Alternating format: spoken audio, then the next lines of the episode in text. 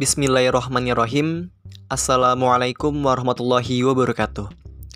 Alhamdulillah teman-teman semua yang dirahmati Allah Subhanahu wa taala comeback bareng gue di podcast Rizal Slack series Vicky Produk Bisnis. Insya Allah pada episode yang ke-16 kita sama-sama bakal belajar bareng nih terkait apa itu bisnis franchise suara laba dan bagaimana tujuannya dalam Islam. Eh tujuan jadinya kan? Sorry sorry.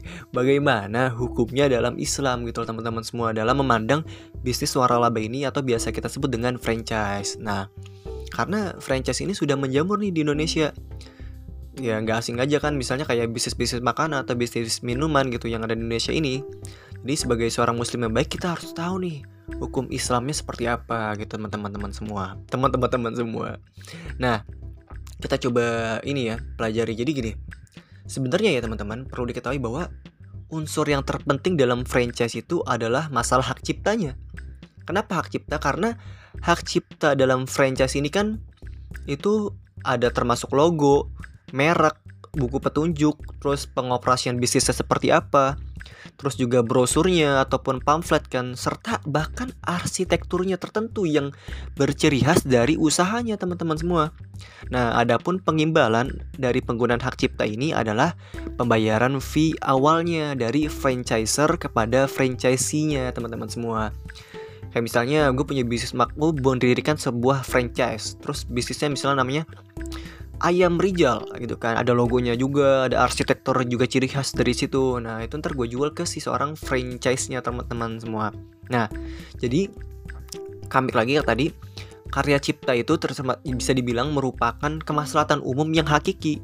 Oleh sebab itu nih jadi hak para penciptanya itu perlu dilindungi kan dengan undang-undang dalam rangka menjaga hak dan kepentingannya demi menegakkan keadilan di tengah masyarakat. Pasti dong. Nah Kemudian jadi kayak bisa dibilang penalaran ini sesuai dengan jiwa dan tujuan syariat, makosid syariahnya gitu loh, untuk bagaimana mengambil maslahat dan menolak kemudaratan. Seandainya jika terjadi pelanggaran terhadap hak tersebut, franchisernya itu berhak untuk mengajukan gugatan gitu. Misalnya kayak ya gue punya bisnis terus gue jadiin franchise gitu kan. Terus ada orang pengen kayak membeli nih bisnis gue yang beli namanya gitu kan buat dia jualan gitu terus dia kayak tiba-tiba ngadi-ngadi nih ngasih racun atau apa segala macam eh yang jelek kan nama guanya kan nama perusahaan guanya nama seorang yang bisnis yang gue diriin kan nah gue itu bisa mengajukan gugatan gitu teman-teman semua yang di mana nanti bisa didapatkan ganti rugi atau peng, apa atau penghentian semua perbuatan yang berkaitan dengan penggunaan merek tersebut yang misalnya setidaknya harus menghindari unsur di bawah ini. Maksudnya unsur di bawah ini gimana sih? Oh tiba-tiba bahasnya di bawah ini maksudnya unsur yang di mana bisa dibilang yang ada termasuknya gitu loh. Unsur-unsur apa itu jal? Jadi pertama bertentangan dengan undang-undang agama kesusilaan dan ketertiban umum. Dan yang kedua tidak memiliki daya pembeda gitu. Yang ketiga tidak menjadi milik umum. Dan yang keempat merupakan suatu yang berkaitan dengan barang atau jasa yang dimohonkan pendaftarannya seperti itu teman-teman semua. Nah dalam kajian fikih merek ini dapat dimasukkan dalam hak ibtikar namanya yang berarti awal atau permulaan jadi maksudnya itu hak cipta atau kreasi yang dihasilkan oleh seseorang untuk pertama kali gitu loh. Atau bisa juga bisa boleh berbentuk sesuatu penemuan sebagai perpanjangan dari teori ilmuwan yang di mana sebelumnya telah diciptakan. Jadi hak cipta memiliki watak tersendiri punya ciri khasnya kan yang di mana merupakan buah dari hasil otak karya manusia otak, maksudnya hasil penciptaan Allah juga tapi dari sini ide seseorang itu loh maksudnya teman-teman semua. Dan menurut ulama fikih Al Az bin Abdul Salam apabila dilihat dari sisi materialnya ibtikar ini lebih serupa dengan manfaat hasil suatu materi. Kayak misalnya sebuah buah seperti buah-buahan dari pohon atau seperti susu hewan perahan gitu kan. Yang di mana ulama tersebut berkomentar tentang pentingnya suatu manfaat yang seraya berkata tujuan utama itu dari suatu harta adalah manfaatnya gitu.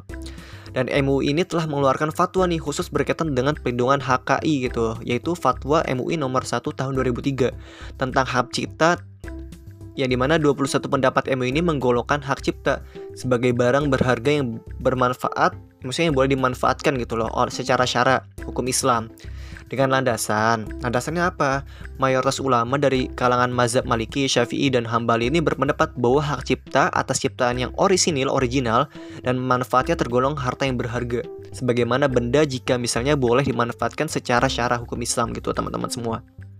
Nah, ngomong-ngomong tentang fatwa tersebut, jadi berdasarkan fatwa tersebut itu dapat disimpulkan bahwa hak cipta ini dapat dimanfaatkan dan digolongkan sebagai benda berharga. Karena itu dibolehkan nih bagi pihak yang mempunyai hak cipta tersebut mengambil imbalan atas hak ciptanya juga dong, yang di mana dimanfaatkan oleh pihak lain atas persetujuannya. Nah, itu berbicara tentang hak cipta. Nah, terus ada nih aspek kemitraan usaha. Jadi, dalam sistem franchise ini terdapat hubungan kemitraan usaha antara franchiser dan franchisee yang dituangkan dalam kerjasama di antara keduanya. Jadi kerjasama dalam konsep Islam itu memang sangat dianjurkan. Dengan adanya kerjasama, ya maka seseorang yang memiliki kemampuan dalam berbisnis dapat membantu saudaranya yang memang tidak memiliki kemampuan dalam berbisnis gitu loh. Dengan konsep kerjasama ini, maka akan terciptanya nih insan-insan yang produktif pastinya dong dan dapat memberikan kesempatan-kesempatan kerja membuka lapangan kerja pada siapa pun hingga pada akhirnya akan meningkatkan kesejetah apa sih bisa dibilang? kesejahteraan masyarakat gitu loh. Dalam perjanjian kerjasama antara franchiser dan franchisee jadi suatu franchise ini, franchise maksudnya franchise, di mana suatu pihak salah satunya disebutkan bahwa franchise ini berhak memakai manfaat dari suatu merek dan intelektual lainnya gitu. Dan franchiser berhak atas imbalan dengan waktu tertentu, misalnya jangka waktu tertentu sekian kesepakatan gitu. Lu dalam jangka waktu tertentu memakai merek yang produk yang gue buat gitu, misalnya lu bayar berapa ke gue gitu. Ada kesepakatan ya teman-teman semua. Maka konsep ini termasuk dalam bentuk kemitraan usaha yang berdasarkan akad sewa menyewa dalam fikih muamalat bisa disebut dengan ijaroh atau lebih tepatnya dengan pemilikan manfaat suatu yang dibolehkan dalam jangka waktu tertentu dengan waktu tertentu dengan suatu imbalan pastinya. Seperti itu teman-teman semua. Jadi kurang lebih seperti itu. Dan kesamaannya nih ngomong-ngomong tentang kesamaan. Jadi kesamaannya dengan bisnis franchise adalah adanya pembatasan waktu yang diberikan franchiser dalam penggunaan hak tersebut dalam waktu tertentu misalnya sesuai dengan kesepakatan pastinya. Dan objek yang disewakan itu merupakan sesuatu yang dimanfaatkan dan halal pastinya oleh franchisee yaitu merek. Dan karena ada imbalan yang diterima franchiser atas pemanfaatan hal tersebut yaitu franchise-nya fee dan royalty-nya itu dap dari pendapatan bersih dan diperoleh dari maksudnya diperoleh oleh franchisee ini tersebut gitu loh. Nah, adapun dasar hukumnya, seperti apa dasar hukumnya? Itu kebolehan menggunakan akad ini dapat disandarkan sebagaimana sabda Nabi Muhammad SAW yang artinya kami pernah mengenakan tanah dengan bayaran hasil pertaniannya.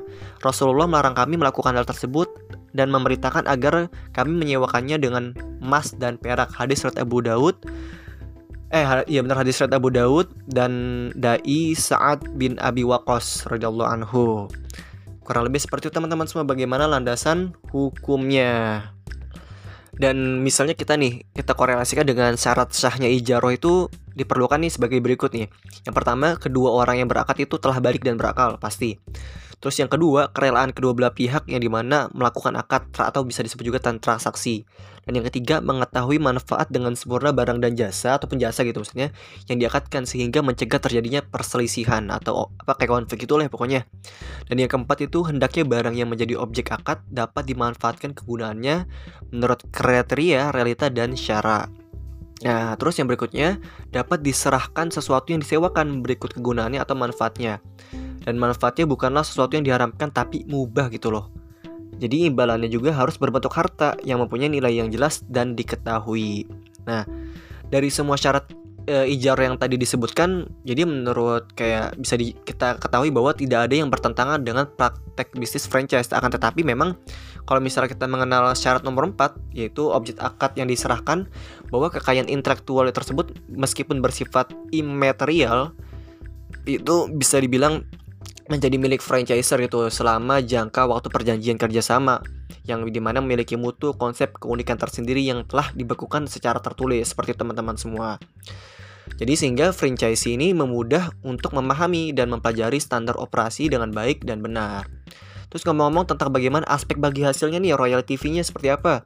Nah, seperti yang telah dipaparkan tadi yang udah gue omongin, jadi merek ataupun bisa dibilang juga kekayaan intelektual terus merupakan suatu harta yang ternilai bermanfaat.